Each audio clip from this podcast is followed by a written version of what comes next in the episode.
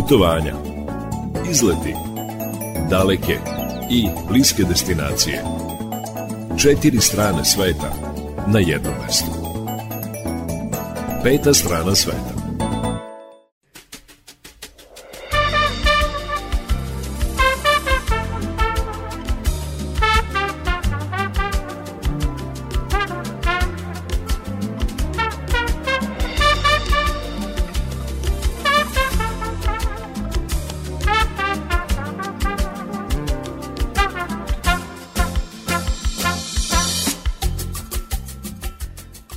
Dan poštovani slušalci, dobrodošli u najnoviji izdanje turističkog magazina Pet strana sveta.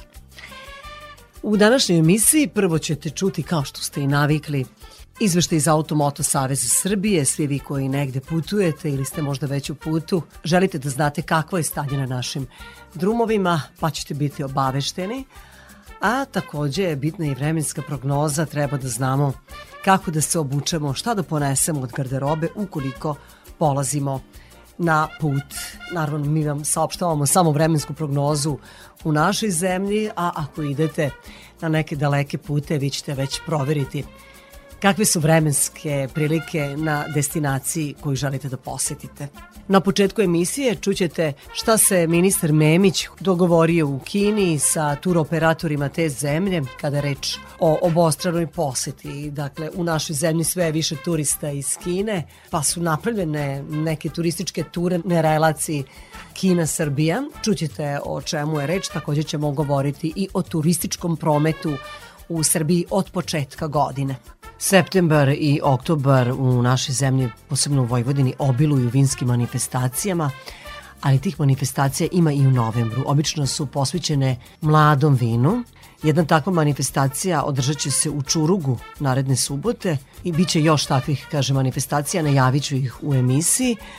A iskoristit ćemo to da pričamo i o vinskom selu Gudurica, čuvenom vinskom selu koje se nalazi pored Vršca, kako je u tom selu počela proizvodnja vina, to ćete saznati i kako se proizvodnja vina odvija danas i o tome ćemo govoriti.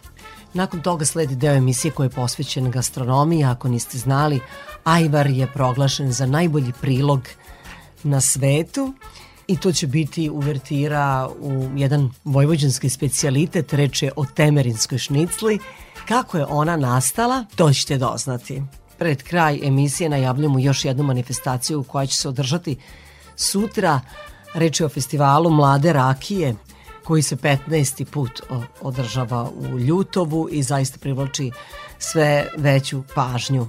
Na samom kraju emisije tu su i vesti iz sveta turizma. Sa vama će do 18 časova biti muzički urednik Srđan Nikolić, majstor tona Dalibor Vidović Ja sam Irina Samopjan i volim da kažem neka ovo naše putovanje počne, a muzički urednik obično za početak bira neku pesmu koja ima putničke motive. Ovoga puta Plavi orkestar i pesma Istok i Zapad. Još pamtim onaj dan kad si otišla u ljeto 80 kiša je padala. Sedam godina sam te čekao.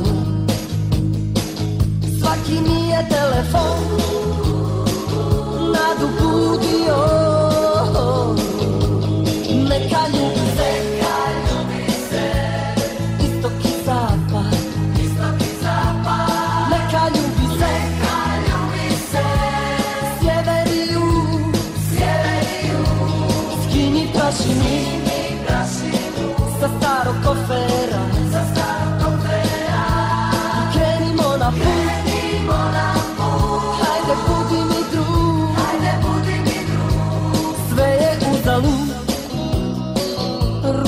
Most Drugovi su žalili Moju strpljivost. O Bože, predugo je mrak. Daj mi svjetlosti. Neka počne na tvoj znak. Doba nježnosti Neka ljubi se, neka ljubi se. Istok i zapad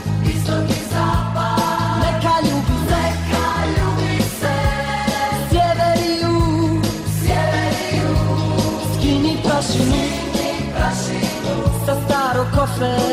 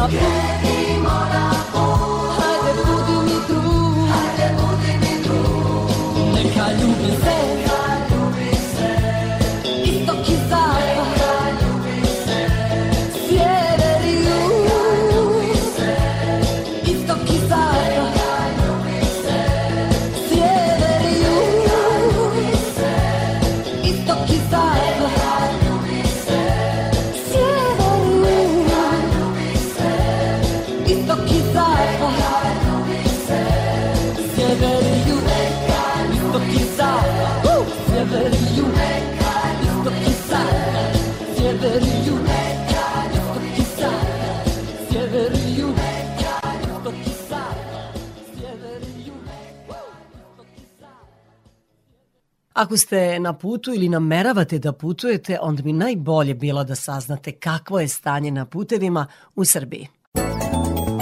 Izveštaj iz Automoto Saveza Srbije. Pozdrav iz operativnog centra Automoto Saveza Srbije. Povremeno slaba kiša i mestimično vlažni kolovozi danas mogu donositi teže uslove za vožnju.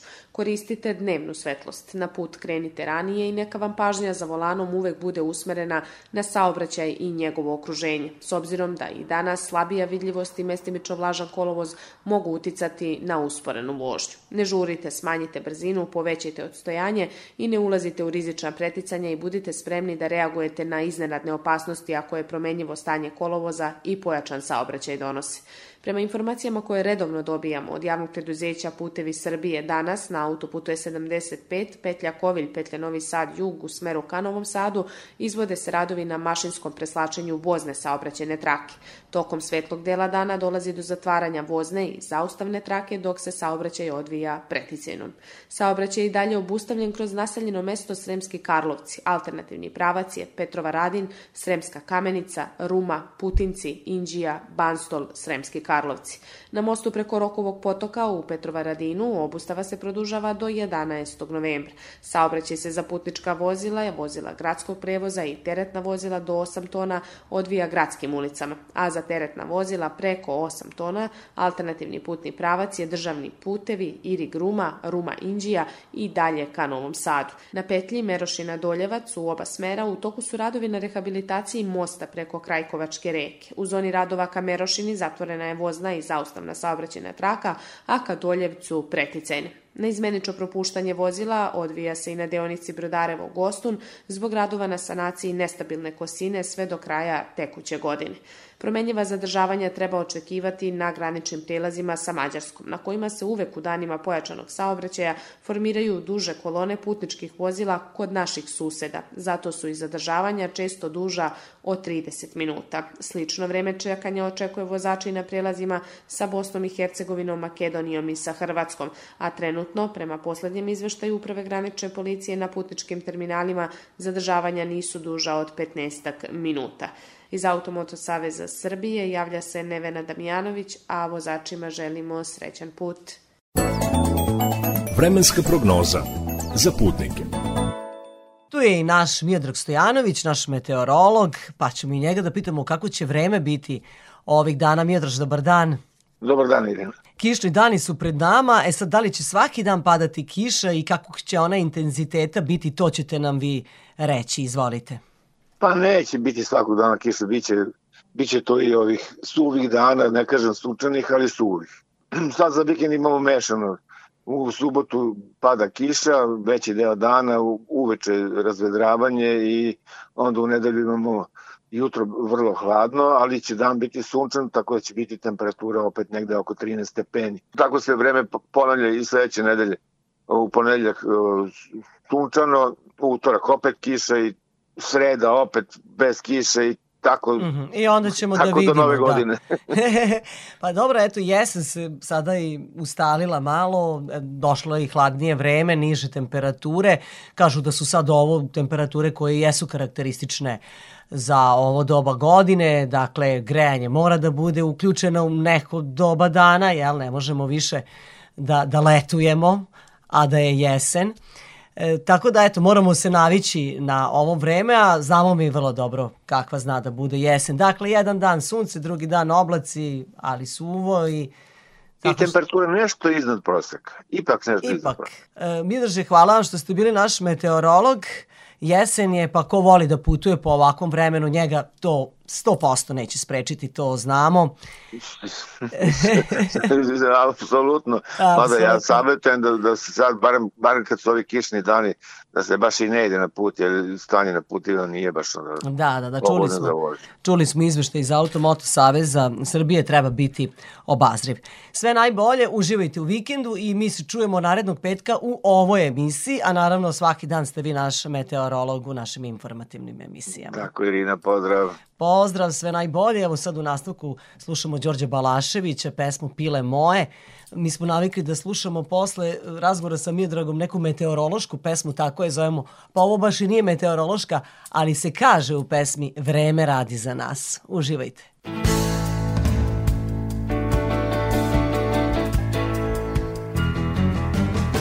Ej pile moje, ma kako stvari stoje, vreme radi za nas I baš se mislim što bi zalud kisli kad bi mogli ostati kod vas. Kiša pada i gde bi išli sada? Crni oblaci iznad grada. Šta je tu je, sakrimo se od oluje. Ma srce lupa kao vojni bubanj. To je opasan znak. Imam krizu i uvek kad ste blizu Pada mi na oči mrkli mrak. Sad bi možda ploča dobro došla Neka muzika davno prošla. Michael Brecker ili neki sličan šmeker Otkad vas znam, Otkad vas znam. Stare slike mi imaju novi ram. E, otkad vas znam Neke obične stvari mi bolje zvuče Bio sam sam, Bio sam sam. kao niko na svetu koliko znam Da, da, bio sam sam, ali sve to bilo Odavno juče još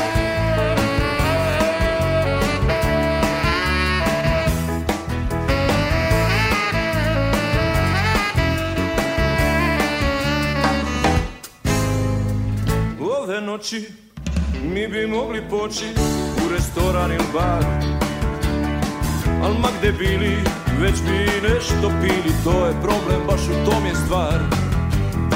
Jer što da krijem, kadan sam kad pijem Ja se posvađam pa se pijem I zato bolje, ostanimo tu nas dvoje.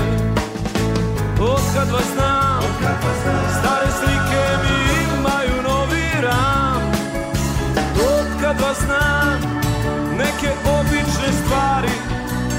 bolje zvuče. Bio sam sam, bio sam sam. Kao niko na svetu koliko znam. Da, da, bio sam sam Ali sve je to bilo Odavno, juče. Još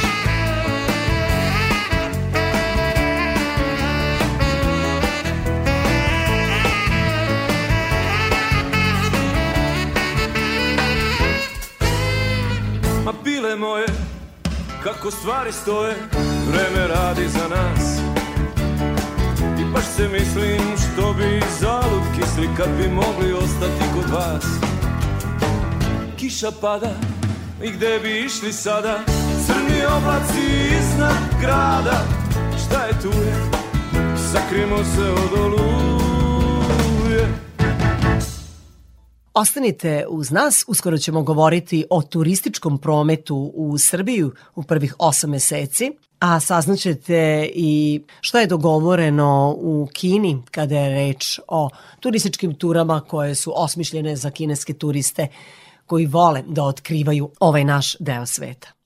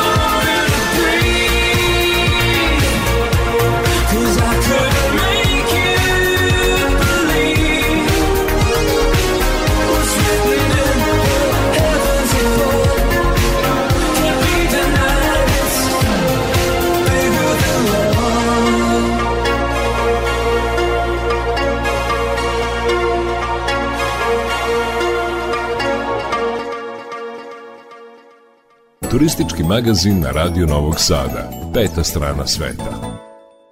Ministarstvo turizma i omladine objavilo je saopštenje o rezultatima prve godine rada U saopštenju navode da će ovo biti najuspešnija godina za turizam u Srbiji, jer prema podacima Centralnog informacionog sistema u oblasti ugostiteljstva i turizma, turistički promet u odnosu na proteklu godinu povećan je za 9%, kako u ukupnim dolascima, tako i u noćenjima. Ministar za turizam i omladinu Husein Memić Naglasio je da je veoma važno što sa velikom izvesnošću možemo reći da je 2023. godina, godina u kojoj će prvi put biti premašen broj od 2 miliona stranih gostiju. Takav rezultat dugujemo činjenici da je stranih turista ove godine bilo za čak četvrtinu više nego lane. Trend povećanja gostiju je primetan sa svih vodećih tržišta, a najbrže rastuće je kinesko sa rastom broja gostiju od 215% i noćenja od 57% u prvih 8 meseci. Ministar Memić, koji je sa premijerkom Anom Brnabić boravio u poseti Kini, razgovarao je sa četiri najveća tur operatera u Šangaju i rekao da očekuje da će broj kineskih turista do kraja godine premašiti rekord koji je ostvaren 2019. godine. Zapravo sam ja bio iznenađen da oni apsolutno sve o Srbiji znaju. Znaju i za tri leta koja smo nedavno od Pekinga prema Beogradu i obratno od e, Beograda prema Pekingu, od Tianjina. Zapravo oni već rade ture prema Srbiji Razgovarali smo i o nekim e, problemima, to su sada pre svega mogu reći slatke muke. Prepuni su avioni i zaista je potreba za većim brojem kineskih turista, zapravo za većim brojem aviona. To je nešto što je trenutno problem, ali eto, da je već e, blizu uspostavljanje leta između Beograda i Šangaja i to je nešto zaista što će doprineti većem broju turista. Ono što mo mogu da kažem da mi do 8. meseca imamo broj noćenja kineskih turista veći u odnosu na 2019. koja je bila rekordna, za 10% veći broj u odnosu na 19. godinu. Mnogo ljudi u Kini znaju starije generacije o Srbiji, a to su one koje znaju i šta je Walter Brani Sarajevo, Bela Ćao. Mlađe generacije ne znaju o tome i razgovarao sam danas i sa jednom predstavnicom koja je iz mlađe generacije, koja je zapravo jedna od vodećih turoperatera, menedžerica za Evropu, tako da nam je i sugestija da se posvetimo i mlađoj populaciji, pre svega oni vole da idu na skijanje, vole da posećuju Beograd, e, stariji vole da obilaze UNESCO spomenike. Zapravo moramo tu neku šanoliku ponudu da njima predstavimo kako bi uspeli da taj trend koji je bio u, od 2019. godine pa na ovamo da on bude uzlaznom putanjem. Ministar za turizam i omladinu Husein Memić rekao je da je najvažnija vest da je broj stranih gostiju premašio broj domaćih. U prvih osam meseci ove godine devizni priliv od turizma je iznosio milijardu i šest stotina miliona evra i bio je za 9% veći u odnosu na isti period protekle godine, koja je po prihodima od stranih turista bila rekordna. Ovu godinu su obeležila i ubedljivo najveća do sada ulaganja države u turističku infrastrukturu u ukupnom iznosu od milijardu i 800 miliona dinara, od kojih je jedna milijarda namenjena za kapitalne projekte na području Podunavlja. Naime, u toku su radovi na izgradnji sportsko-rekreativnog centra sa autokampom u Kovinu, kao i na uređenju sportsko-rekreativnog kompleksa Duškeja u Novom Sadu.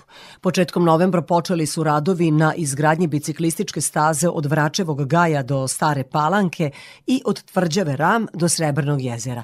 Do kraja godine, kažu u Ministarstvu za turizam i omladinu, Očekuju da će startovati i pripremni radovi za izgradnju marine na Srebrnom jezeru. Nedavno je počeo da radi akvapark sa spa centrom na Paliću koji je najveće državno ulaganje u turističku infrastrukturu Vojvodine u poslednjih 30 godina.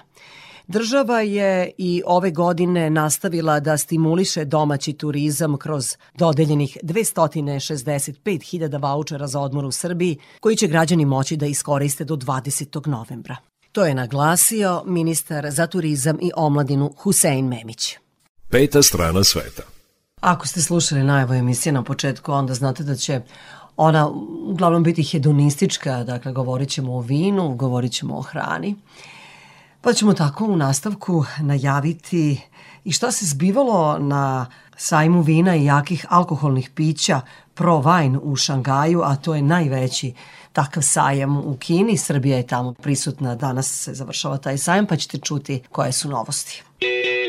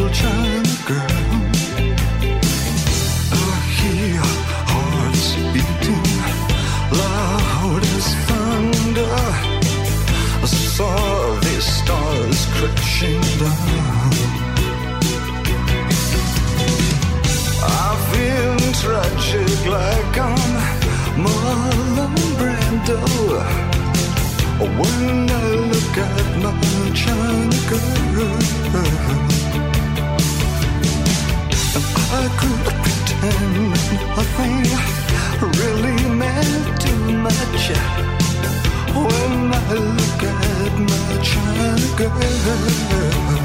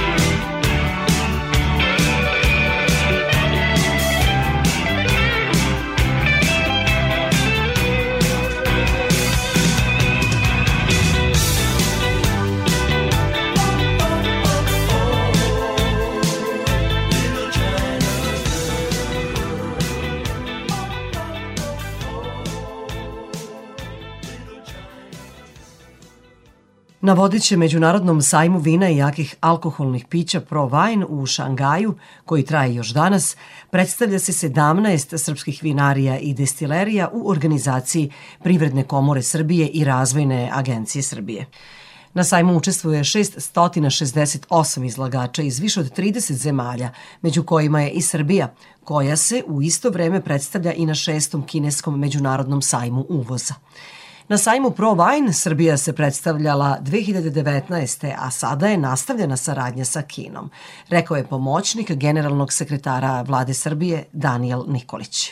Zvanična statistika govori o porastu, svako, svake godine o porastu a, prodaje a, srpskih vina u Narodnoj Republici Kini.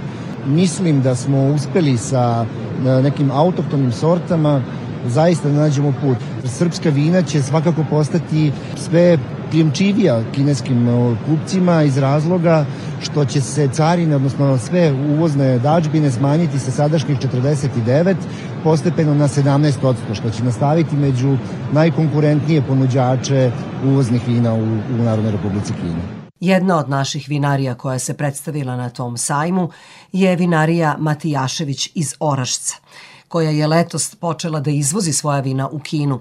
Vlasnik te vinarije, Darko Matijašević, ocenio je da je veliki uspeh što je naša zemlja prisutna na tako velikom tržištu. Naročito Šangaj, gde uh, je ta uh, kultura vina u jednom uh, zaista ozbiljnom razvoju.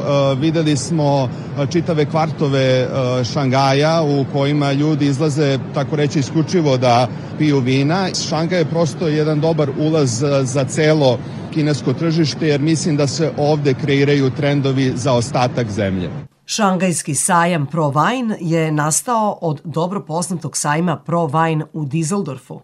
Pro Wine Šangaj je od svog nastanka 2013. godine postao broj jedan sajam u Kini za vina i alkoholna pića, a godišnje ga poseti oko 20.000 posetilaca.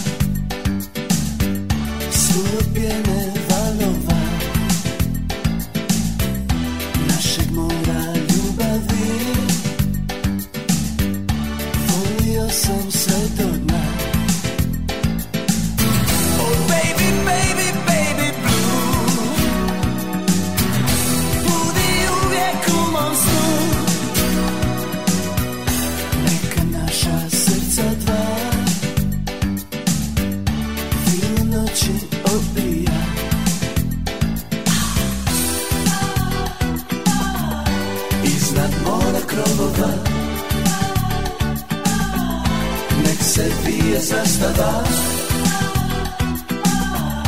Jer je ljubav najveća. Jer je ljubav najveća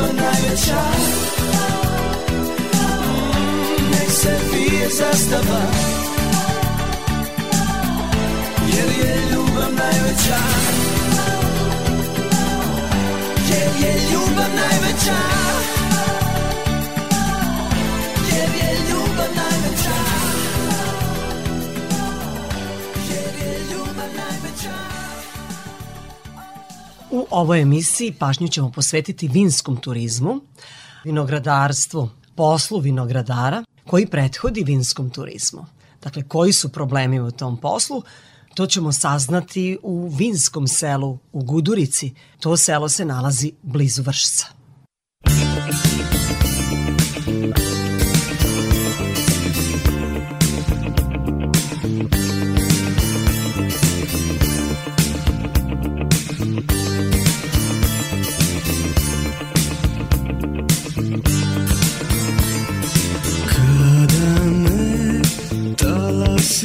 Razbiju Kada se sve čaše ispiju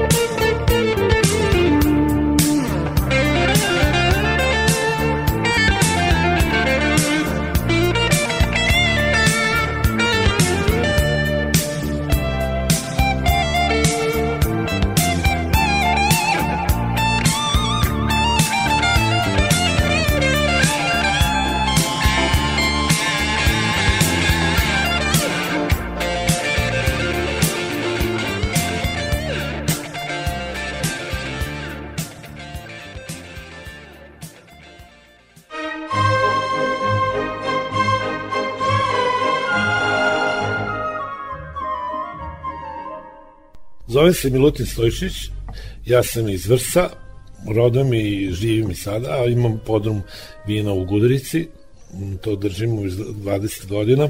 Imamo 22 hektara vinograda, od toga 16 hektara su pod beli sortama, a 6 hektara su crne sorte grožđa. Sve su sorte visoko kvalitetne, mi smo to podizali, prinosi su ove godine jako dobri.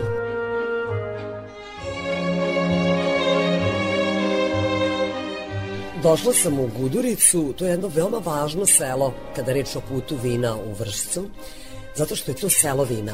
U Gudurici svaka druga kuća malte ne proizvodi vino, do duše ima samo sedam registrovanih domaćinstava, ali ljudi vole da prave vino za svoje potrebe i zbog toga je ovo selo selo vina. Moj sagovornik je Milutin Stojšić, on ima podrum vina Selekta. Zašto baš u Gudurici, eto, svaka druga kuća ima podrum vina i ljudi imaju vinograd? To je tradicija ovde ovog kraja. Znači, Gudurica je bila i pre rata i od davnina. Mi smo ovde 95. godine stavili 500 godina vinogradarstva i vinarstva. Znači, Gudurica je tada imala i imaju u stvari za sebe jednu dugu tradiciju bavljena proizvodnjom grožđa, proizvodnjom vina, tako da je i nakon drugog svetskog rata, kada je Gudarica naseljena življem iz čitave bivše Jugoslavije, o, oni su nastavili dalje tu proizvodnju, ali u okviru gazdinstva Vršački vinogradi koji su imali negde oko 2000 hektara vinograda, tako da su ti ljudi radili kod njih, imali redan radni odnos, a bavili su se i proizvodnjom grožđa u, na manjim površinama, koliko tada bilo dozvoljeno, tako da da ljudi imaju, pa su imali, ne znam, po pola jutra, jedno jutro, dva jutra, mali podrom i tako dalje.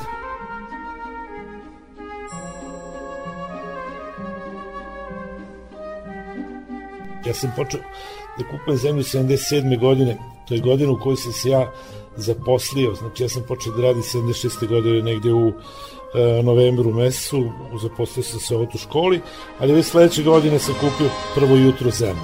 Nisam ni ja znao u početku da će to biti plantaža vinograda ili nečega.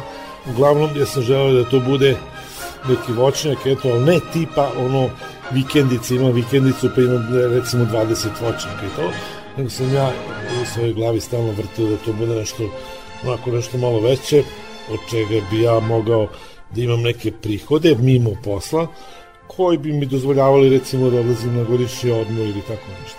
I onda je usledeo mukotrpan rad. Naravno, iznad svega velika jedna upornost, da vam kažem što je bitno. Evo i sada mi imamo veliki problema. Ne samo ja, nego svi a, koji se bave poljoprivredom. To su veliki problemi. Zato što ovaj posao iziskuje dosta radne snage, manuele radne snage. Znate i vi, sigurno svi znamo da u selu ima da je nedostatak radnika, da ljudi odlaze u inostranstvo, da ljudi beže tamo da zarade pare što je normalno, jer ovde ne mogu i mi nemamo sada ljude koji će raditi ovde na dnevnicu.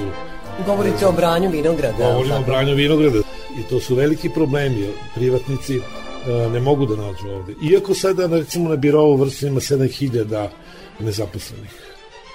U vrstu ima 7000 nezaposlenih, mi nemamo ni jednog vršana koji je došao na 15 km od vrsta da bere vinograd. Znači, to su jako veliki problemi, da vam kažem. Jednostavno, ljudi ne žele, jer tih dve ili šest ili osam hiljada dinara ili 100 evra njima u životu ništa ne menja. Ništa im ne menja. To znači, znači oni će imati možda da kupe neku sitnicu ili nešto i to i, i dok žive u tom ubeđenju da im to ništa ne menja, oni neće ni dolaziti tu da radi. Zato, eto i mi vidite ovde da imamo ljude iz Leskovca koji tu dolaze, mi njima tu plaćamo dnevnicu i hranu i smešta i sve, a ovde na birovu vrstimo 7000. Ko zna koliko imamo tamo na primanju na socijalnom, treba da ih snime tamo 15. 16. kad oni dobijaju te novce. Peta strana sveta.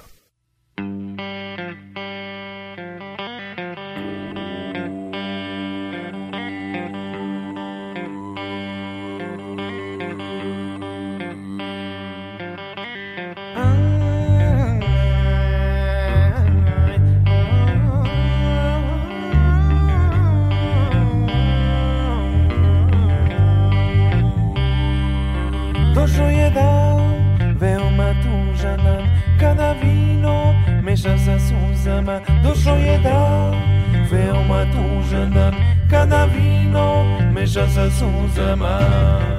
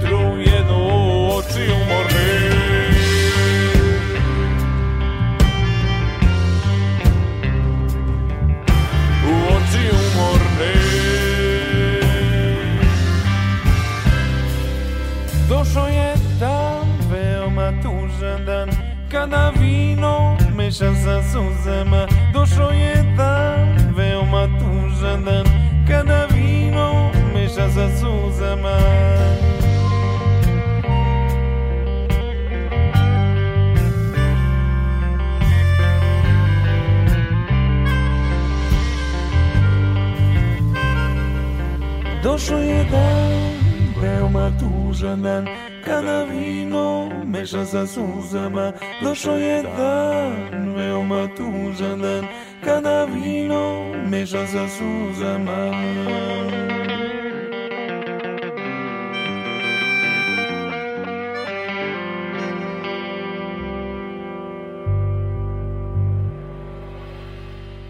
Veoma je važno kada pričamo o vinariji i selekta da kažemo da se vi bavite e, vinskim turizmom.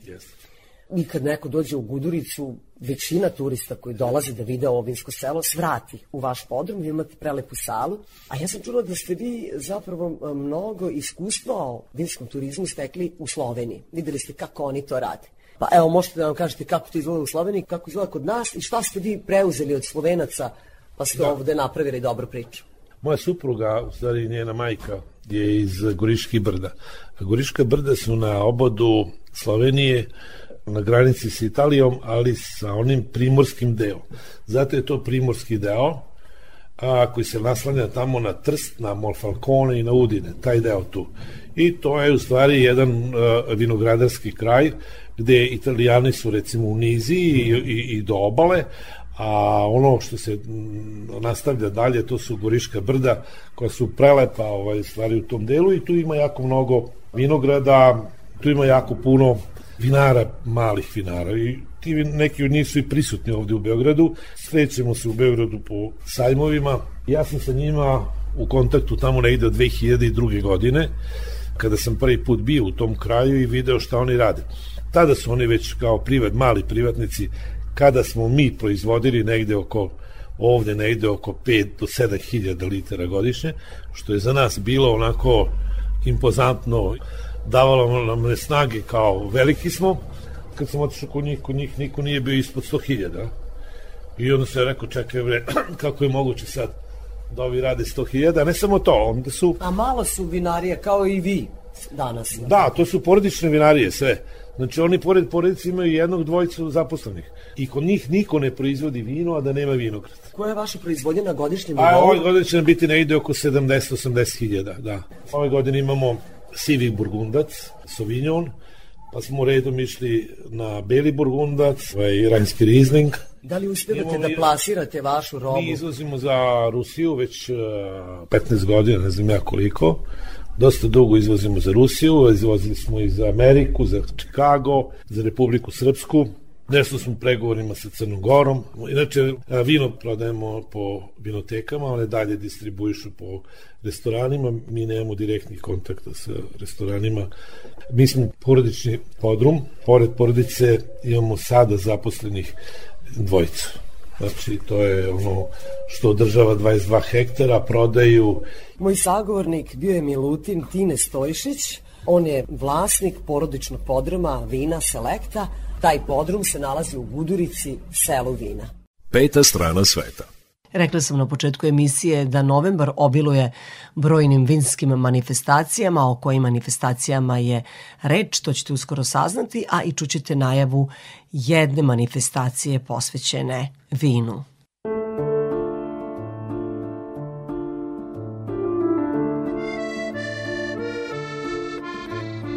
Noća sam zora sjajna Noća sam duša stara Pašu mi tvoje ruke Ko prstima gitara Noća sam samo žena Ne pitaj šta mi je bilo.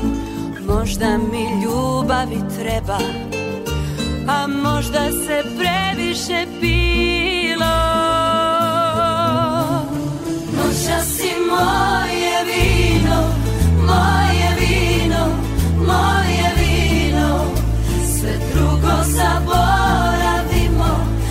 Oh.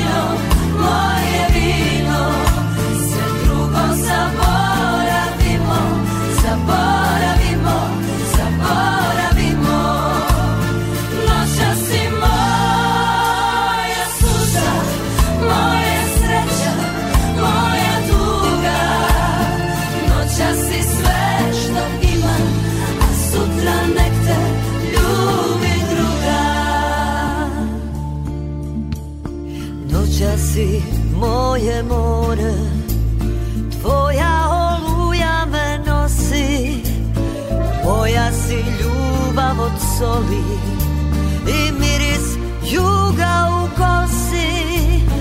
Noća sam samo žena.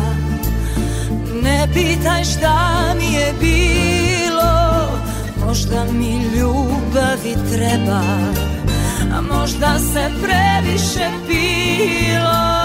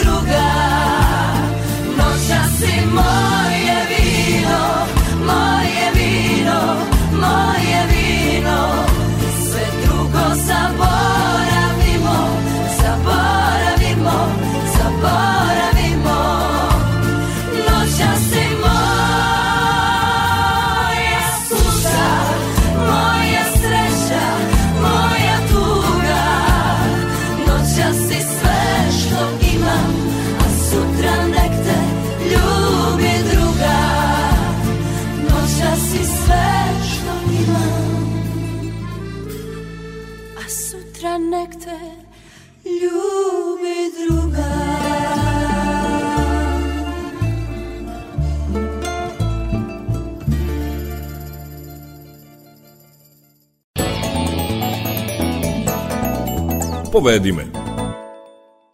I na kraju ove naše vinske priče u ovom izdanju turističkog magazina Peta strana sveta najavit ćemo jednu manifestaciju. Obično vinske manifestacije u Vojvodini počinju tako u septembru ali i u novembru ima vinskih manifestacija i tu su uglavnom posvećene mladom vinu. Evo imate 16. novembra, to je u četvrtak dani mladog vina u Somboru na trgu Svetog Trojstva, pa onda e, Dani mladog vina na Paliću 18. E, pa ima i u Surčinu Noć mladog vina, e, Noć mladog vina, rakije i likera u Titelu, ne piše koji je datum, ali možete to preko interneta lako pronaći. Dan mladog Portugizera, to je popularna i poznata manifestacija, nekad se održavala u centru Novog Sada, a e, od pre nekoliko godina je u centru Iriga, to organizuje vinarija Mačko Podrum, to je 25. novembra, to ćemo verovatno najaviti u emisiji, a evo, sada u ovoj emisiji najavljujemo Čurušku noć mladog vina, 18. novembar, dakle to je naredna subota. Moj sagovornik je e, Vlada Živković, on je sekretar Udruženja vinogradara i vinara Boronj. E, Vlado, dobar dan, dobrodošli na naše talase. Vaše udruženje organizuje ovu čurušku manifestaciju za vinoljupce. Pa, dobar dan svim slušalcima. E, jeste naše udruženje vinogradara, vinara i voćara Boronj iz Čuruga od 2004. godine, od od postojanja, održava ovu manifestaciju Noć mladog vina koja će se održati 18. 11. 17 časova. To je neka tradicionalna ma- manifestacija gde udruženja, hobi proizvođači vinarije i svi ostali koji imaju mlado vino Berba 2023. godine da u nekoj startnoj e, proizvodnji prilikom ocenjivanja utvrde gde su sad trenutno i momentalno u, u kvalitetu svojih mladih vina. Vaša manifestacija se održava u zatvorenom prostoru. Naša manifestacija se održavala u prostorijama i održat će se u prostorijama e, našeg udruženja koje ima i podrum i ima i baštu koja je ove godine dodatno uređena. Ako vreme dozvoli, pa nam je da to bude na, na, u tom delu bašte da ima velika ogromna terasa ispod. Jest. Tako da je Da, uvek je deo... lepše na otvorenom. Ako, Jeste, jeste. Dakle, od koliko ćete imati izlagača, znali se broj i hoće li biti nekog zabavnog programa za posetioce koji se odluče za vašu čurušku noć mladog vina? Čuli ste koliko ima dana i noći posvećenih vinu Jeste, u Vojvodini u novembru. Ta naša manifestacija ovaj, od 10.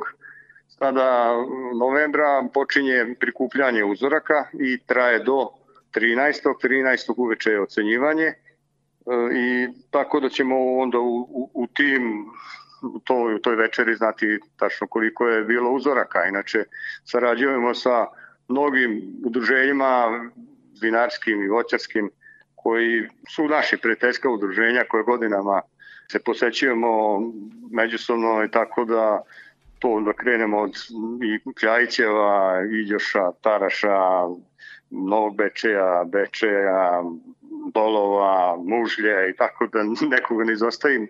Izvinjavam se, idemo napred, tako da svi oni redovno su, redovno su naši gosti i posle dodele, ceremonije dodele medalja i, i priznanja i proglašenja najboljih mladih vina. Druženje je, to je neizostavno ono, između nas i naši dragi gosti ko bude hteo da dođe i da pogleda šta se dešava. E, Vlado, e, šta vi mislite koliko su vinske manifestacije važne za turizam naše pokrene, turizam naše zemlje?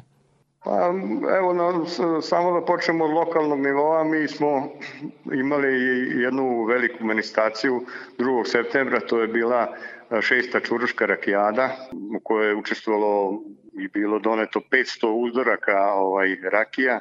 To nas gura u sam vrh rakijske scene ovaj, u Srbiji. Tako i ova manifestacija je propraćena pre svega turističkom organizacijom opštine Žabalj i samom opštinom Žabalj koja nam daje, daje punu podršku i, i pomoć i u promociji i u onome što je potrebno malo i novčano i tako dalje. Tako da je naravno kad se krene od samog lokala pa na više naravno da su te vinske manifestacije veoma značajne na razvoju vinarstva koje može svi da zapaze koji prate to da je u našoj zemlji to u zadnjih godina dostiže veći i veći nivo, viši i viši nivo. E, Dobro, niste nam rekli hoće li neko nastupiti na vašoj manifestaciji kad reč o muzičkom zabavnom delu programa? Pa naravno, tu bude uglavnom neki tamburaški orkestar, ja tačno sada nemam, nemam ovaj, informaciju koji će to biti, to je sutra imamo neki sastanak, izvršni odbor, pa ćemo tačno utvrditi ko će šta će. Ali uglavnom svake godine bude za okupljene i ko su došli i doneli uzorke i ko je došao da pogleda i vidi, bude malo zabavnog dela, naravno. U svakom slučaju, vojvođanski zvuci će biti kod vas u Čurugu. Pa prisutni. vojvođanski, da. Tako je, da. Evo ja ću samo za kraj podsjetiti još jednom slušalci, Čuruška noć mladog vina održava se naredne subote u Čurugu, počinje u 17 časova, sve to se odvija u prostorijama udruženja vinogradara, vinara i voćara Boronj. To nije teško pronaći to udruženje vaše, ja nije, nije, nisam to je bila. ulica Nikole Tesli, 73 u samom centru Čuruga, kod pijace, Mhm. tako da, da, jako je. Lako je pronaći. Dobro, do tada će se znati ko je napravio najbolje vino u različitim kategorijama, tako da posetioci koji dođu moći će da probaju ta vina. Pretpostavljam da Naravno, će se uzorke, kupo, tako je. kupovati čaše za degustaciju. Tako je. E, Vlado, ja vam se zahvaljujem što ste govorili za Radio Novi Sad i eto želim vam da vam manifestacija uspe i da naredne godine, eto koliko čujem, obeležavate dve decenije postojanja manifestacije, pa ćete onda pretpostavljam upriličiti i nešto specijalno za Čurušku noć mladog vina. Naravno, hvala vama i vašim slušalcima. Sve najbolje želimo Vladi Živkoviću koji je sekretar udruženja vinogradara, vinara i voćara Boronj. Peta strana sveta.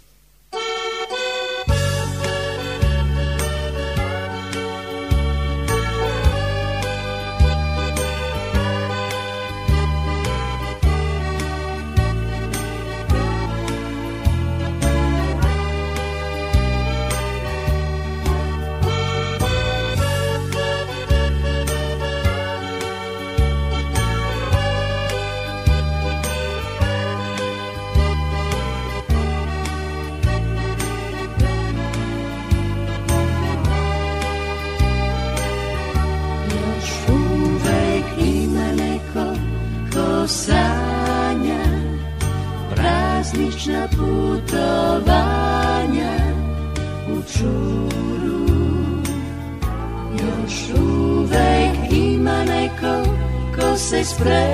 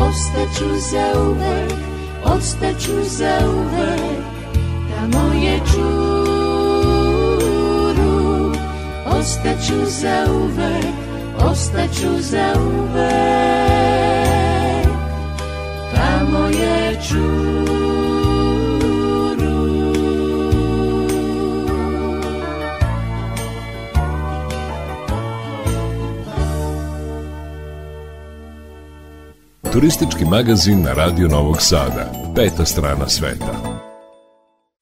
U nastavku o jednoj gastronomskoj poslastici. Evo vesti koju sam pronašla na sajtu Turistički magazin. Taste Atlas, poznati svetski gastronomski vodič, sastavio je listu od 10 najboljih priloga uz jelo na svetu. Među njima se nalaze najpoznatiji prilozi kao što su indijski čatni ili turšija, pa čak i severno-makedonski pinđur. Međutim, najbolji prilog na svetu je ajvar i nalazi se na prvom mestu na listi. Ajvar je pre svega simbol ovog dela Evrope i predstavlja namirnicu bez koje su zima i zimske gozbe nezamislive. Na Balkanu se ajvar jede za doručak, uz ručak, za večeru, kao salata ili kao namaz s nogu. Ajvar, veganski kavijar Balkana, kako ga još nazivaju, ima posebno mesto u srcima i stomacima stanovnika ovog dela Evrope. Reč ajvar dolazi od turske reči havijar, što u prevodu znači kavijar. Prema podacima, paprika i ulje su bili skupi i smatrani su luksuzom u Beogradu krajem 19. veka. Samo pojedine kafane i restorani su ga imali na svojim menijima. Danas je na svu sreću priča potpuno drugačija. Čiji je ajvar? U prvom objavljenom receptu za ajvar koji se nalazi u velikom srpskom kuvaru iz 19. veka, autor Katarina Popović spominje i papriku i patliđan. Ipak tradicionalno se pravi samo od crvene paprike. Neslaganje između tog prvog dokumentovanog recepta i sadašnjeg načina pripreme u Srbiji verovatno je povezano s činjenicom da su se ljudi dosta selili po regionu i delili tradiciju hrane.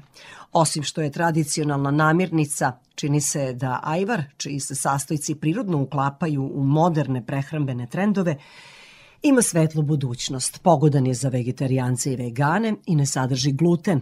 U skladu sa sve većom potražnjom za veganskom i organskom hranom, sve više restorana uključuje ajvar u svoju ponudu. Možda se nećemo složiti odakle potiče ajvar i koga je prvi napravio. Svakako se moramo složiti sa tim da ajvar ili veganski kavijer Balkana polako postaje i evropski i da ga sve više zemalja Evrope želi na svojim trpezama. Radio Novi Sad. Još ćemo govoriti o gastronomiji. Živo me zanima da li ajvar ide kao prilog uz temerinsku šniclu. A temerinska šnicla je gastronomski specijalitet tog grada u blizini Novog Sada. Uskoro ćemo o tome.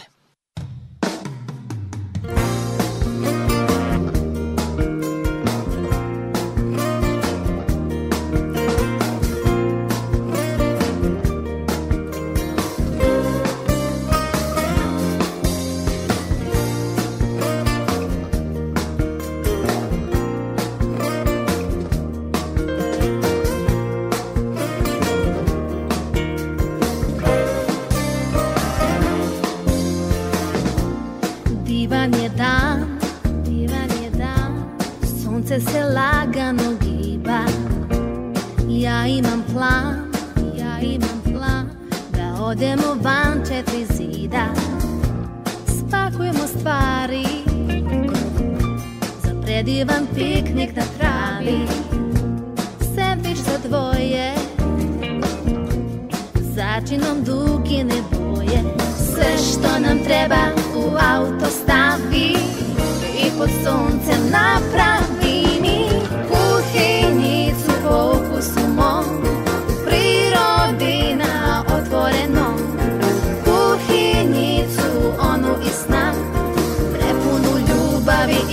i ukusa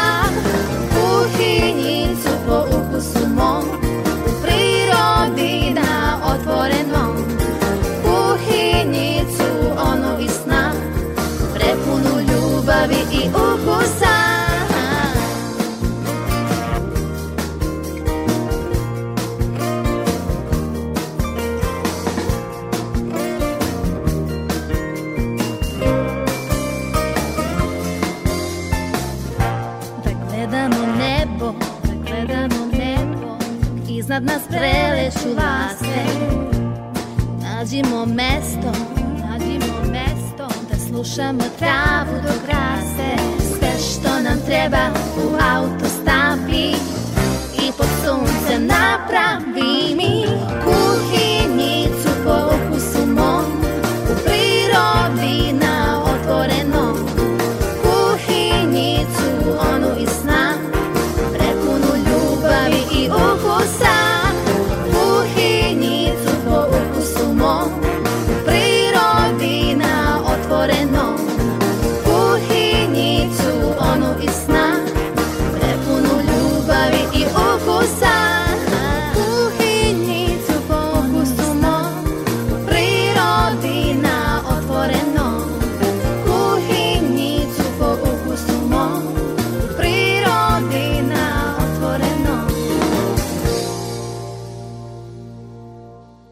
Ukoliko se vratite u Temerin, onda bi valjalo i da probate njihov gastronomski specijalitet, a o tome će nam reći nešto više Ileš Laslo, on je vlasnik restorana Rubin LT. Ovde se pravi ta čuvena temerinska šnicla. E, to je taj gastro specijalitet. Laslo, ja sam imala prilike da nađem na internetu recept za temerinsku šniclu, ali se kuvarica na internetu ogradila i rekla da ona nije dobila original sastojke. Želili ste da ostanete tajanstveni, ali ona je napravila ono što je ona probala. Pa sad, evo, vi nam recite otkud ideja za temerinsku šniclu, kako je ona nastala. Ovde pravimo, evo, baš od 93. godine. Tu ima jedna istorija, e, moj bivši šef, ja sam ono vrijeme imao 10 godina radnog staža, te godine, već sam bio na više mjesta gdje sam radio i šef tadašnji Đurika, oni su otišli na moru, a ja sam tamo počeo već ovaj specialitet da uvodim u restoran gdje sam radio, samo još nismo imali ime. A među vremenom došla novosadska televizija da mi damo neki recept za TV u ono vrijeme. Onda ću ja dati ovaj recept, moram dati ime. Onda nekako mi ušao u glavu da što i Temeri nema svoju šnislu, kao ima novosadska šnisla u Novom Sadu, na primjer, ili Karadžorđevu i ostale. Onda sam nazvao Temerinsku punjena šnisla. Vi ste u stvari tvorac te šnicla, Da. vi ste smislili. Ja sam smislio Kako izgleda ta šnicla? Evo, ja je nisam probala nikada i sad ljudi koji dođu u Temerin teče posle ovog našeg razgovora da je probaju pa da znaju šta će oni to pojesti. A isto jedna vrsta punjena šnicla pravimo od iskošćene karmenadle, mekšije mesa nego svinske buke. Mora dobro da se istucka to meso. Da, mora dobro da se istucka i onda to punimo sa sirom, šunkavicom i pečurkama.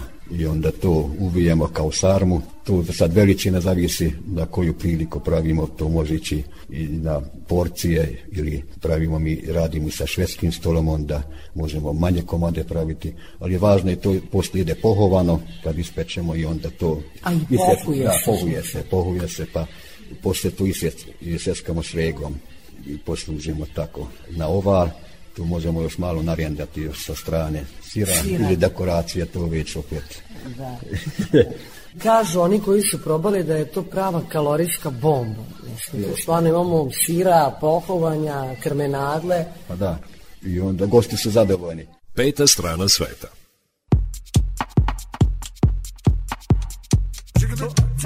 Meni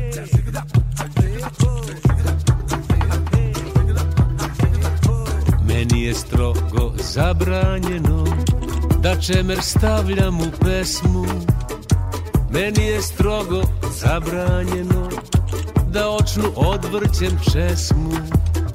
Na svetu i bez mene dovoljno tuge ima Zato ja tražim sunce i među oblacima Ja plačem samo kada ljuštim luk i ponekad liju kiše. Plačem samo kada ljuštim luk i nikad više, nikad više. Plačem samo kada ljuštim luk i kad se oluja sprema. Ja plačem samo kada ljuštim luk i kad se setim da te nemam. Meni je strogo zabranjeno da se ikome žalim Meni je strogo zabranjeno. Nojevu barku da pravim Čak i kad srcu nikad Nije bilo gore Jer bi iz oka moglo Poteći Panonsko more. Ja plačem samo kada ljuštim luk I ponekad kad liju kiše. Ja plačem samo kada ljuštim luk I nikad više, nikad više. Ja plačem samo kada ljuštim luk I kad se oluja sprema. Ja plačem samo kada ljuštim luk I kad se setim da te nemam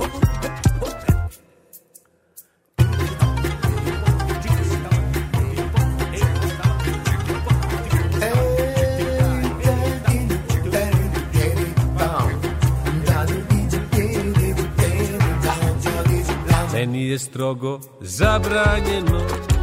Kad mi se kazaljke sklope Da ti suzama piše. Sad kad se glečeri tope Jer to bi za planetu Bile opasne strofe Koje bi dovele do Globalne katastrofe. Ja plačem samo kada ljuštim luk I ponekad kad liju kiše. Ja plačem samo kada ljuštim luk I nikad više, nikad više. Ja plačem samo kada ljuštim luk I kad se oluja sprema. Plačem samo kada ljuštim luk I kad se setim da te nemam. I kad se setim da te nemam. Temerinska šnicla je specijalitet i delicija u Temerinu, ali ona je bila pravljena i na drugim mestima. Priča nam njen tvorac Laslo Ileš. Kasnije sam išao u Nemačku da radim, onda sam uveo i tamo. Tamo su me nazvali po imenu, pošto tamo sam bio kuvar, radio sam u Bielefeldu 96. do 2000. i tamo smo stavili na, tamo su uzeli moj recept, samo tamo smo nazvali Laslo. Šnicle, na Laslo, nemačkom, Laslova Laslo šnicl, šnicla. Laslova šnicla. A, pa u Nemačkoj. i tamo da patentirate temerinsko, pa da bude naširoko čuvena. A Da, onda, ali onda, pošto bio nemačka kuhinja, pa onda, pošto mene su, mene su znali tamo, pa su, onda oni su preporučili da zovemo Laslo.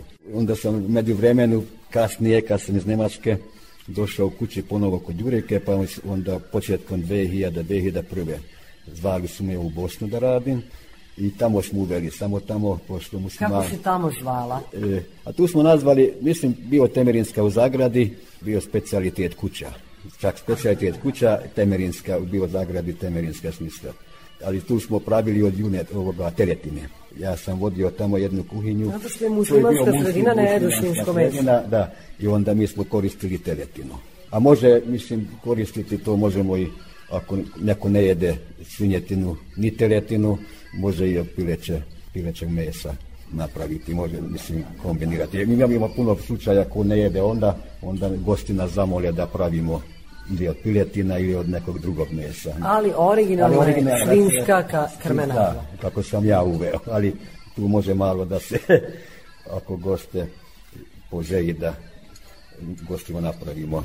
I svraćaju turisti, odnosno posetioci, ljudi koji dolaze u Temerin, kod vas, baš u restorane, kažu daj da probamo tu temerinsku čuvenu šniclu. Kako da ne, čak imamo, mislim, ti iz okolinog mesta, tu znaju već odavno. Čak imamo iz Beograda gosti, tu je skoro 100 km iz, iz drugih mesta, da ne pričamo ovi iz e, inostranstva koji puno rade, koji su godinama već na polju.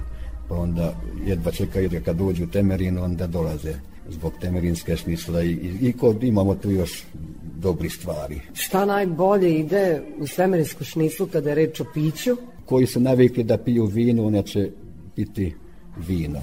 Mislim, sad nema, Ko šta, nema zakon, nema zakon. Mislim, kad gledamo, to je, zavisi i gosti, tu, tu ovo, gosti je isto, i tu ima i omladina do penzionera, i onda sve zavisi šta oni smeju da piju. da, mislim, nema zakon. Ja se zahvaljujem na razgovoru Ileš Laslu, a on je izumeo temerinsku šniclu, čujete koliko već više od dve decenije postoji ta šnicla, pa čak i pravljena bila i u Nemačkoj i u Bosni, a evo, ostala je i dan danas da se pravi u Temerinu, pa ko voli i ko bi voleo da proba neke nove ukuse, nek dođe u Temerin i nek proba temerinsku šniclu. Pljeskavice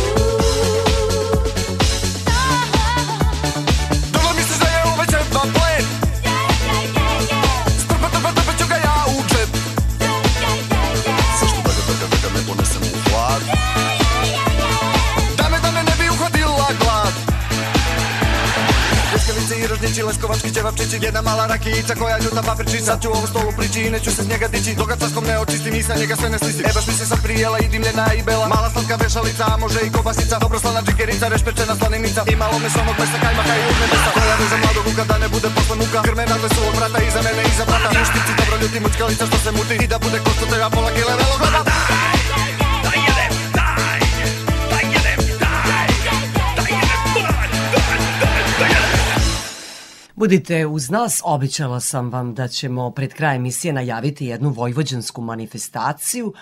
Ova se održava u blizini Subotice i namenjena je svim ljubiteljima rakija, dakle žestokog pića.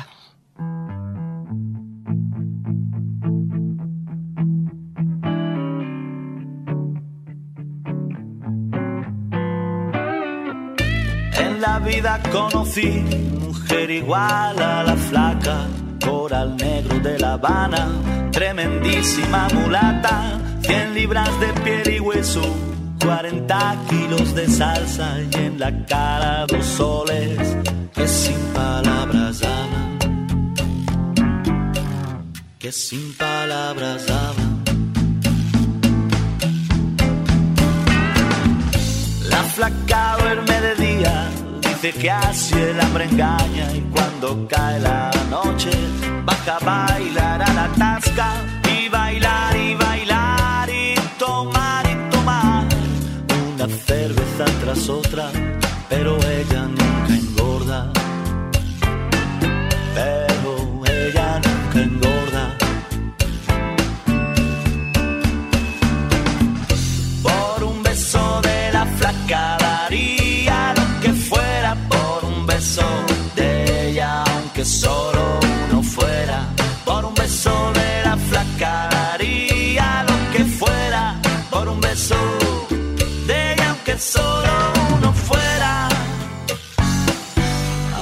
Solo uno fuera. Mojé mis sábanas blancas como dice la canción, recordando las caricias que me brindo el primer día y enloquezco de ganas de dormir a su ladito, porque Dios que está flaca a mí me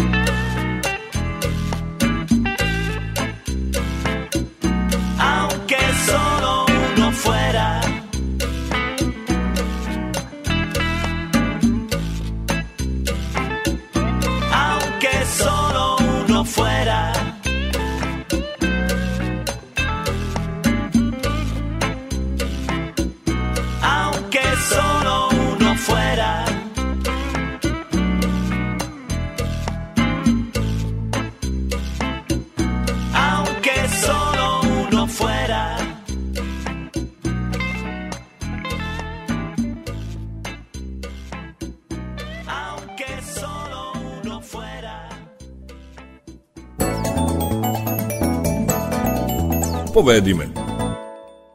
U narednim minutima predstavit ćemo program jednog festivala koji ranije nismo najavljivali u turističkom magazinu. Zaista ima pregršt vojvođanskih manifestacija, teško ih je sve predstaviti. A jedna na severu naše zemlje odvije se u Ljutovu, jednom malom mestu pored Subotice. Jubilarni festival Mlade rakije Ljutovo će biti održan sutra. Organizator tog festivala je Saša Kopilović. Saša, dobar dan. Dobro večer, dobar dan. Evo da vas pozdravim sve. Ako vas put nanese, da svratite u subotu 11. 11 što bi rekli, tradicionalni 15. festival Mlade rakije. Jednu stvar samo da kažem, nisam ja kao Saša Kupilović a, organizator, nego jedan od organizatora i predsjednik udruženja proizvođača i ljubitelja rakije, bez kojih naravno ne bi se ni održao taj festival. Da. Ja sam negde pročitala da je baš vaša bila ideja da se u Ljutovu organizuje festival rakije, zato sam rekla organizator, mada znam da vas ima više, jer dosta je je. Nas dvojica, trojica smo, nas dvojica, trojica smo učestvovali u ideji, tako Mhm. da nas dvojica smo razvili tu ideju i evo širimo se svake godine o, Malo po malo.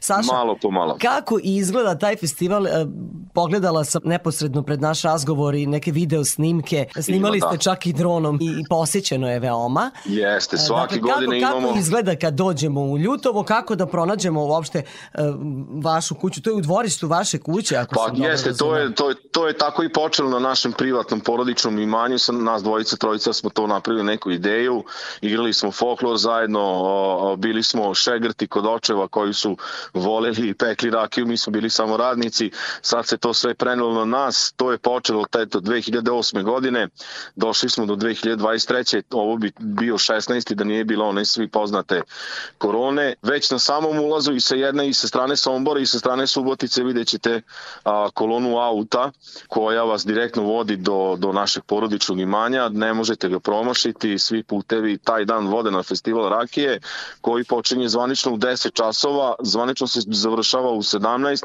ali sad evo svi vidimo da je u 17 časova već mrak, tako da 16, 16.30 tu već nema nikog, ostali su samo ovi koji su bili izlagači i mi koji sve to završavamo i spremamo. Zvaničan neki deo, što bi rekli, počinje oko 13, 13 i 30 kad se a, dodeljuju diplome, medalje i naravno proglašenje samog pobednika, prvo, drugo i treće mesto festivala, kada se dodeljuju glavne nagrade i ti glavni pehari.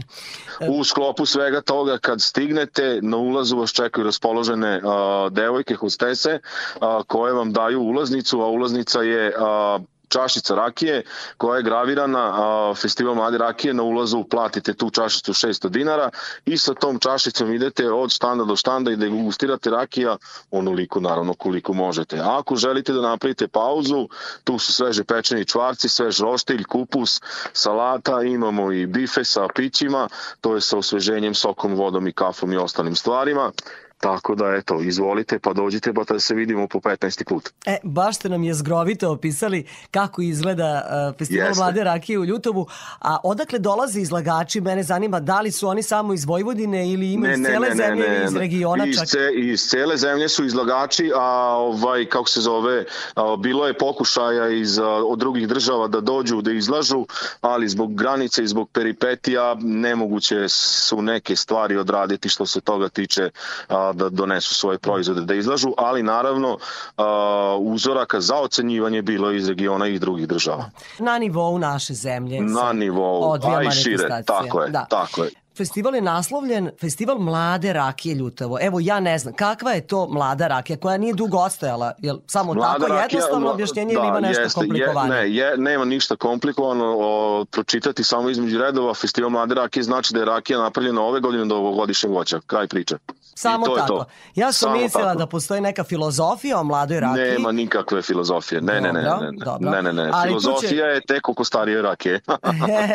da. Jeste. O, treba da ispriča ona sama priču o Tako sebi je, tako je, filozofiju, tako je. jel, posebno još Jeste. posle nekoliko čašica. onda je Nekoliko to čašica, jeste. Duboka Da, filozofija. I sva su tu čašicu koju uzmete na ulazu nosite sa sobom kući, to vam ostaje kao uspomena. E, I Ima to dobijamo malo- za 600 dinara, da. Tako je, tako je, tako je. I Imate tu malo i nekih a, dekupaž stvari, štandova, prirodnih sokova, domaćih kolača i rukotvorina, tako da je malo da upotpunimo taj ceo jeli, dnevni događaj. A muzike imali? A, muzika je samo na ozvučenje. Mhm, dobro, dakle Nek neko pročita između redova, da. Da, da, da, dobro. Nismo baš za ovaj živu muziku da ne bi bilo nekih Da. drugih stvari nepotrebnih. Hvala vam što ste predstavili vaš čemu. festival, eto kažem 15. po redu pa da trajete još Tako je, jeste dugo. da trajimo barem još tri puta toliko, bit će nam dovoljno. Biće dovoljno. Ako budete još Jest. tri puta toliko trajali, onda može još Oj, oj. tri puta u krug, da. Eto, svakoga koga put nanese, čekamo ga, pa dobrodošli. Samo da nas posluži vreme i bit će sve kako treba. Dakle, sutra u Ljutovu, dakle, u blizini Jeste. Subotice, ali možete da dođete iz pravca Sombora, iz pravca Subotice. Kako god, sa Biće- svih strana. Biće održan 15. festival Mlade rakije. Jeste, A to sa smo sve- početkom u 10 časova. Tako je. A, a to smo sve doznali od Saše Kopilovića, on je jedan od organizatora, a Tako čitavu tu manifestaciju organizuje udruženje proizvođača i ljubitelja rakije Subotička Subotička peščara. Živeli! Tako je. Živeli u zdravlje. Peta strana sveta. Rakiju volim da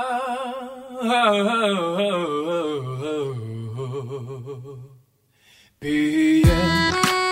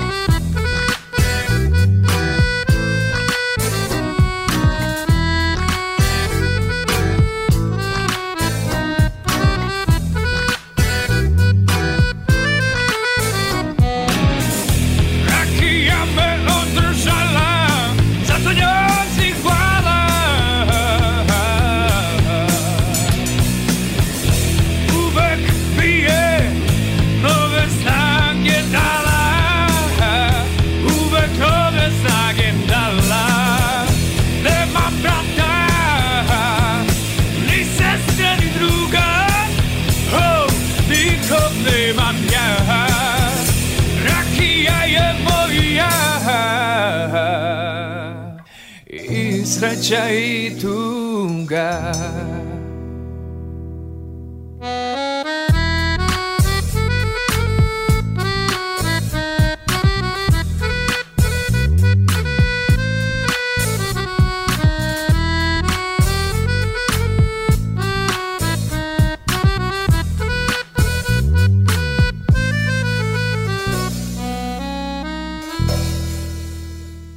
Budite uz nas, uskoro će 18 časova, to znači da ćete čuti vesti iz sveta turizma, a odmah posle toga i odjevu emisije, jer su u 18 časova naše najnovije vesti.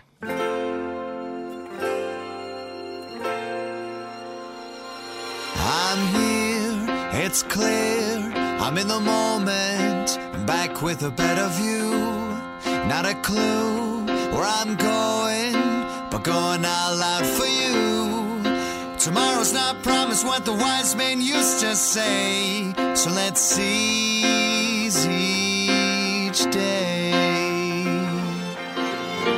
No ties, we're just happy go lucky. Don't you blow the surprise? So nice, like I told you when I hold you. It's like falling in love for the first time. It's like waking up fresh in the sunshine.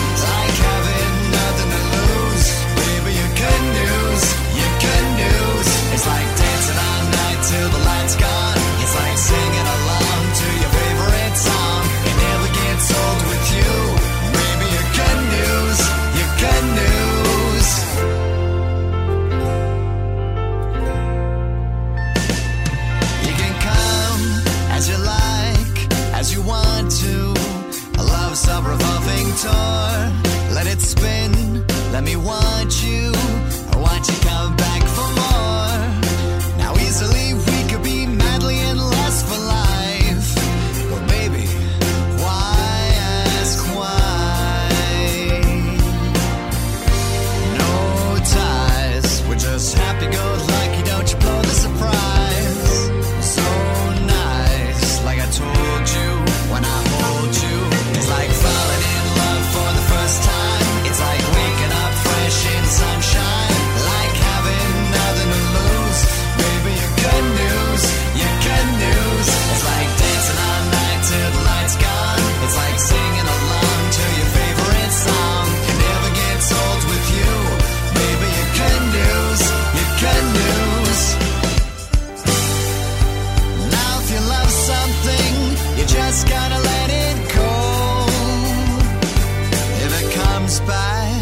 Yours, and it means that much more.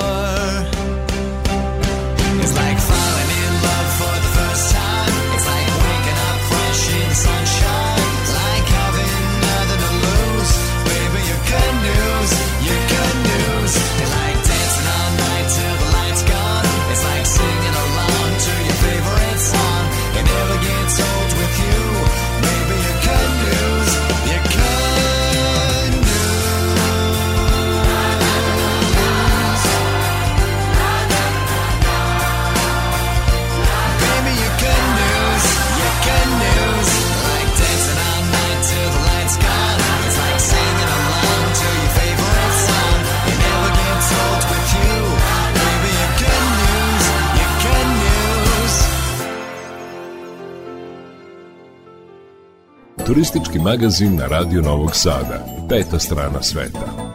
Evo i vesti iz sveta turizma.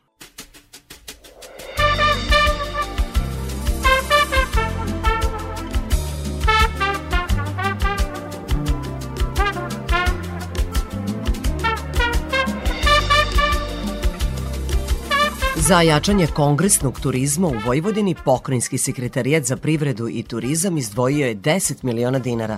Konkurs za te namene otvoren je do 18. novembra. Predviđeno je da minimalan iznos po kongresu koji mora da bude organizovan na teritoriji Vojvodine može da bude 200.000 dinara, a najviše 2 miliona dinara. Cilj je podizanje profesionalnih standarda kongresnog turizma i poboljšanje kongresno-turističke ponude uz pozicioniranje Vojvodine kao poželjne destinacije. To je rekao resorni sekretar Nenad Ivanišević. Znajući da u ovom momentu su Beograd, Zlatibor i Vrnjačka banja predvodnici kongresnog turizma, ideja nam je da se i Novi Sad i Subotica, ali i manja mesta poput Bečeja, Bačke Topole, Malog Iđoša profilišu kao mesta gde se mogu organizovati kvalitetni kongresi. E, sad jedna vest koja će obradovati sve one koji lete sa Beogradskog aerodroma i ne znaju kako da stignu na taj aerodrom, a vole da koriste železnice Srbije, na primjer ove nove vozove. Pre četiri dana uspostavljena je nova autobuska linija broj 600, koja saobraća od železničke stanice Beograd centar ili od stanice Prokop do aerodroma Nikola Tesla. To je saopšteno iz Sekretarijata za javni prevoz Linija broj 600, osim što povezuje glavnu železničku stanicu i aerodrom, staje i na sajmu, Čukarici i u bloku 42. Dodajmo ovoj vesti i to da je planirana i izgradnja direktne železničke veze na toj relaciji. Dakle, trebalo bi direktno da stignemo od stanice Beograd centar do aerodroma i to železnicom. Kada to bude, vi ćemo vas obavestiti.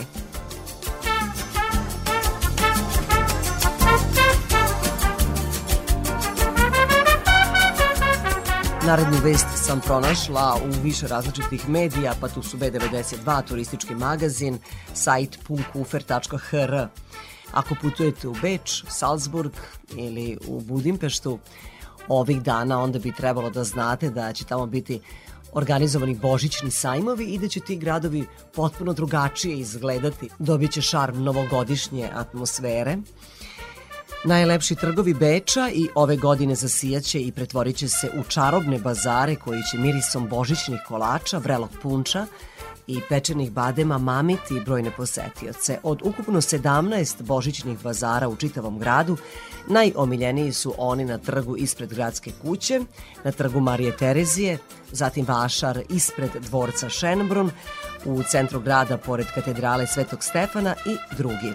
Vašar na trgu ispred gradske kuće svečano je otvoren danas, a evo kako on izgleda. Na trgu je postavljeno stotinu štandova sa raznovrsnom ponudom domaćim proizvodima, idejama za poklone, suvenirima. Trećina štandova su ugostiteljski štandovi sa slatkim i slanim poslasticama, popularnim toplim pićima, poput punča, kao što smo i rekli, kuvanog vina i drugih napitaka. Najmanje 75% hrane i pića su organskog porekla od lokalnih proizvođača. Tu je i veliki zabavni park sa panoramskim točkom i atrakcijom u kojoj ogromno svetleće srce lebdi iznad glava posetilaca.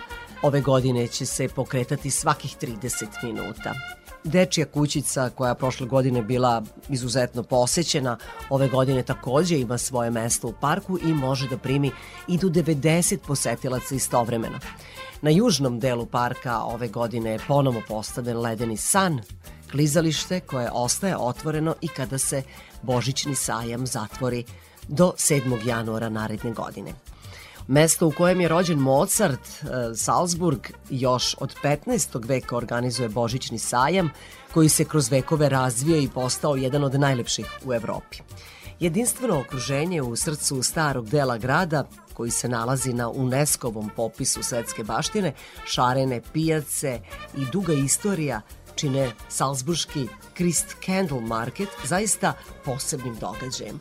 Ovogodišnje izdanje održat će se od 23. novembra i trajaće sve do 6. januara naredne godine. A omiljena zimska manifestacija u mađarskoj prestonici u Budimpešti, koja je nekoliko puta već birana za najbolji božićni sajam u Evropi, svoja vrata otvara u petak 17. novembra, a traje do 1. januara.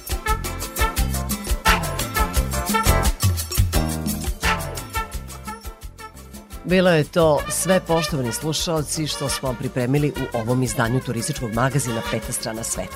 Već sam rekla da su u 18 časova naše najnovije vesti, a sada vam napominjem i to da će posle vesti uslediti i randevu sa muzikom, naša najstarija muzička emisija koju petkom uređuje i vodi Nikola Glavinić. Sa vama su ovoga petka bili i pozdravljaju vas do narednog muzički urednik Srđana Nikolić, majstor tona Dalibor Vidović, ja sam Irina Samopjan i želim vam srećan put.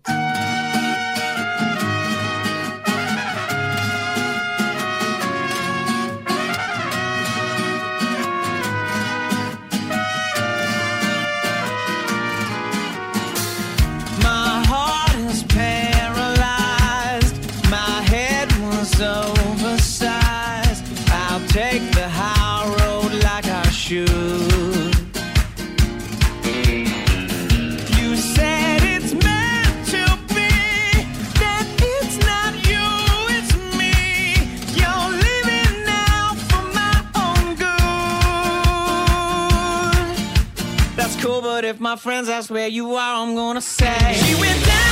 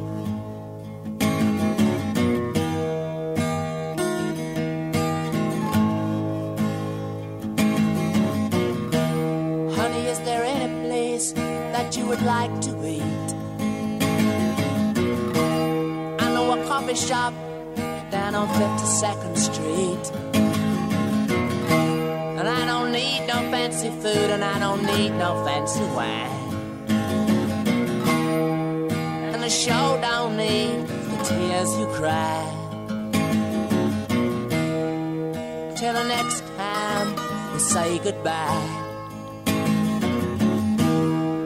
Till the next time we say goodbye. Till the next time we say goodbye. I've been thinking of you.